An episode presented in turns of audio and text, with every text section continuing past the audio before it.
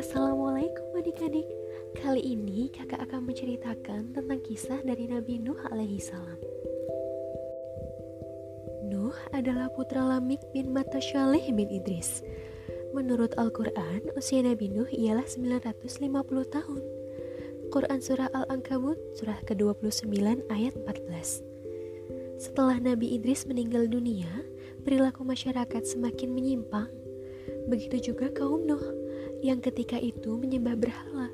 Al-Quran menyebutkan hal ini dalam surah Nuh, surah ke-71 ayat ke-23.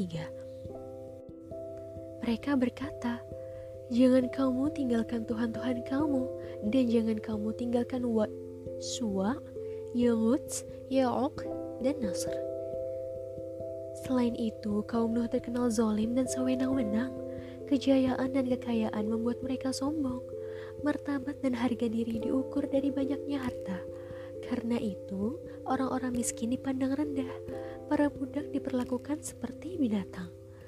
Melihat keadaan itu, Allah memerintahkan Nuh untuk mengajak mereka ke jalan yang benar. Dengan sabarnya, Nabi Nuh menyampaikan ajaran-ajaran Allah kepada masyarakat yang musyrik.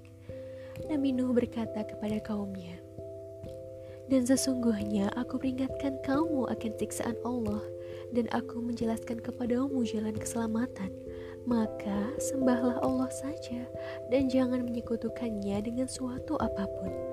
Karena aku khawatir apabila kamu menyembah selain Allah atau menyekutukannya dengan yang lain, dia akan menyiksamu pada hari kiamat dengan siksaan yang sangat menyedihkan. Quran Surah Hud, surah ke-11 ayat 25 sampai 26. Ternyata dakwah Nabi Nuh tidak mendapat sambutan yang baik. Mereka malah mencemooh dan menghina Nabi Nuh. Mereka juga meremehkan Nabi Nuh dan pengikutnya yang miskin.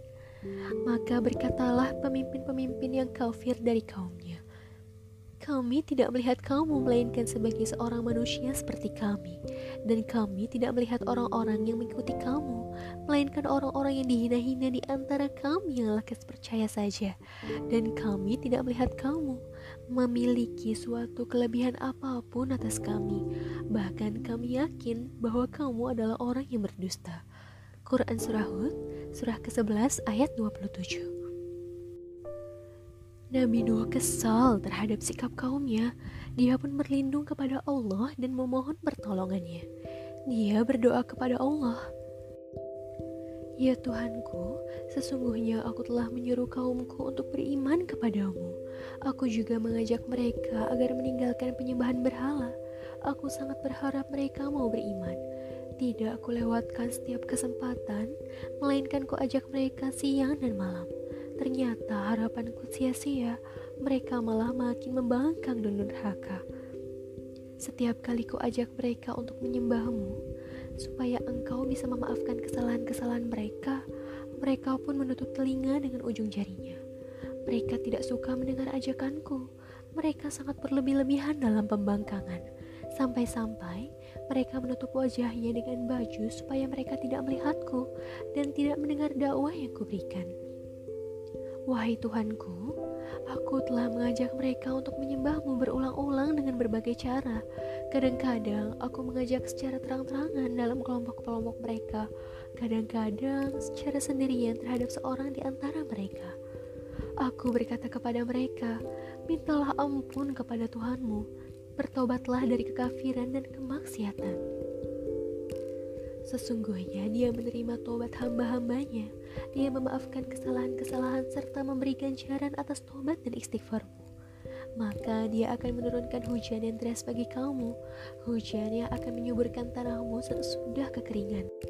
Dia memberi rezeki kepadamu berupa harta benda untuk kamu nikmati dan mengaruniai anak-anak yang akan membantu kamu Kebun-kebun yang lebat akan membuat hidupmu sejahtera, dan sungai-sungai akan menjamin pengairan bagi tanahmu. Quran Surah Nuh, surah ke-71 ayat 5 sampai 12. Sudah tidak ada harapan lagi kaum Nuh akan beriman kecuali sedikit. Akhirnya Nabi Nuh berdoa kepada Allah agar Allah menimpakan azab kepada kaumnya. Allah pun mengabulkan doa Nabi Nuh. Sebelum membinasakan kaum kafir itu, Allah memerintahkan Nabi Nuh dan kaum muslim menyiapkan alat untuk menyiapkan diri dan menyelamatkan diri. Allah menyuruh mereka untuk membuat kapal. Nabi Nuh dan pengikutnya segera menjalankan perintah Allah itu. Mereka mulai membuat kapal. Namun, pembuatan kapal diejek oleh orang-orang kafir. Untuk menghadapi ejekan orang kafir itu, Nabi Nuh berkata, "Jika kamu mengejek kami, maka sesungguhnya kami pun mengejekmu sebagaimana kamu sekalian mengejek kami." kelak kamu akan mengetahui siapa yang akan ditimpa oleh azab yang menghinakannya dan yang akan ditimpa azab yang kekal. Quran Surah Hud, surat ke-11, ayat 38 sampai 39. Nabi Nuh dan pengikutnya, kaum muslim akhirnya selesai membuat kapal. Selanjutnya, Allah memerintahkan Nabi Nuh untuk mengumpulkan sepasang dari setiap jenis hewan yang hidup. Lalu hewan-hewan itu dimasukkan ke dalam kapal. Hal ini supaya mereka bisa berkembang biak lagi, sebab nanti setelah bencana besar melanda, makhluk hidup di bumi akan musnah, kecuali yang ikut naik ke kapal Nabi Nuh. Setelah itu, Nabi Nuh menyuruh semua pengikutnya naik ke kapal. Nabi Nuh berkata kepada orang-orang beriman, Naiklah ke kapal dengan menyebut nama Allah Ta'ala di waktu berlayar dan berlabuh.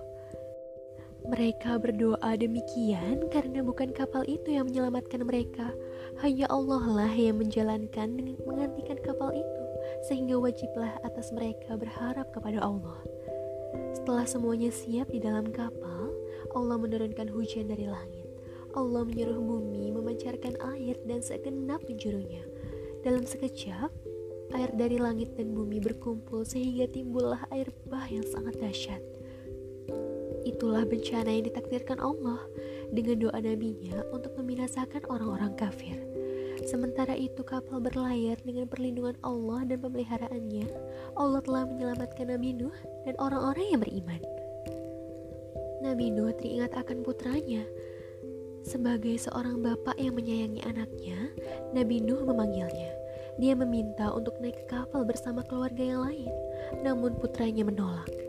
Nabi Nuh berkata, Hai anakku, naiklah ke kapal ini agar engkau selamat dari azab Allah.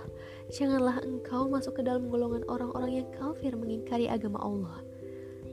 Putra Nabi Nuh memang durhaka. Dalam situasi demikian, dia tetap tidak mau beriman kepada Allah. Karena dia menduga bahwa apa yang menjadi peristiwa alam itu adalah hal yang biasa. Tanpa naik ke kapal pun, dia bisa selamat. Begitu pikirnya. Maka dia berkata kepada bapaknya, "Aku akan berlindung ke puncak gunung yang tidak bisa dicapai oleh air, sehingga aku tidak akan tenggelam." Nabi mengingatkan, tidak ada satu kekuatan pun yang sanggup mencegah takdir Allah. Jika seseorang ditakdirkan tenggelam, dia pasti tenggelam. Sebagai balasan bagi orang-orang yang kafir, putranya tetap menolak ajakan Nabi Nuh. Dia yakin bisa mencapai puncak gunung dan berlindung di sana. Akan tetapi, bukan itu yang terjadi. Air bah terus meninggi dan menenggelamkan putra Nabi Nuh. Sebelum putranya tenggelam, Nabi Nuh memohon kepada Allah agar putranya diselamatkan, karena Allah telah berjanji akan menyelamatkan keluarganya. Allah menjawab bahwa putra Nabi Nuh yang kafir itu bukanlah termasuk keluarga yang dijanjikan untuk diselamatkan. Hal itu karena putra Nabi Nuh tidak beriman kepada Allah dan melakukan perbuatan-perbuatan yang tidak baik. Allah melarang Nabi Nuh untuk memohon sesuatu kecuali bila dia yakin bahwa hal itu benar. Nabi Nuh kemudian menyesal. Dia mengakui kesalahannya. Sesungguhnya aku berlindung kepadamu wahai Tuhanku. Aku tidak akan memohon sesuatu yang tidak engkau ridhoi. Jika engkau tidak mengampuniku, niscaya aku termasuk orang-orang yang merugi. Selanjutnya, air bah benar-benar menenggelamkan kaum Nabi Nuh yang tidak mau taat. Setelah semua orang-orang kafir tenggelam, Allah menyuruh bumi untuk menghisap airnya. Allah juga menyuruh langit untuk berhenti menurunkan hujan. Maka surutlah air bah itu. Kapal Nabi Nuh kemudian terdampar di Gunung Judi. Allah mengatakan dalam surat Hud, surat ke-11 ayat 48 dikatakan kepada Nabi Nuh, Hai Nuh, turunlah dengan selamat sejahtera dan penuh keberkatan dari kami atasmu dan atas umat-umat yang mukmin dari orang-orang yang bersamamu. Dan ada pula umat-umat yang kami beri kesenangan pada mereka dalam kehidupan mereka. Kemudian mereka akan ditimpa azab, siksa yang pedih dari kami. Di tanah baru itulah pengikut Nabi Nuh hidup dengan damai. Lalu mereka berkembang sehingga jumlahnya menjadi banyak lagi. Nah adik-adik, demikian kisah dari Nabi Nuh alaihissalam. Bagaimana ceritanya? Menarik bukan? Semoga dari kisah dari Nabi Nuh alaihissalam ini kita bisa sama-sama mengambil pelajaran kehidupan. Baiklah adik-adikku, sekian dari kakak dan terima kasih. Wassalamualaikum warahmatullahi wabarakatuh.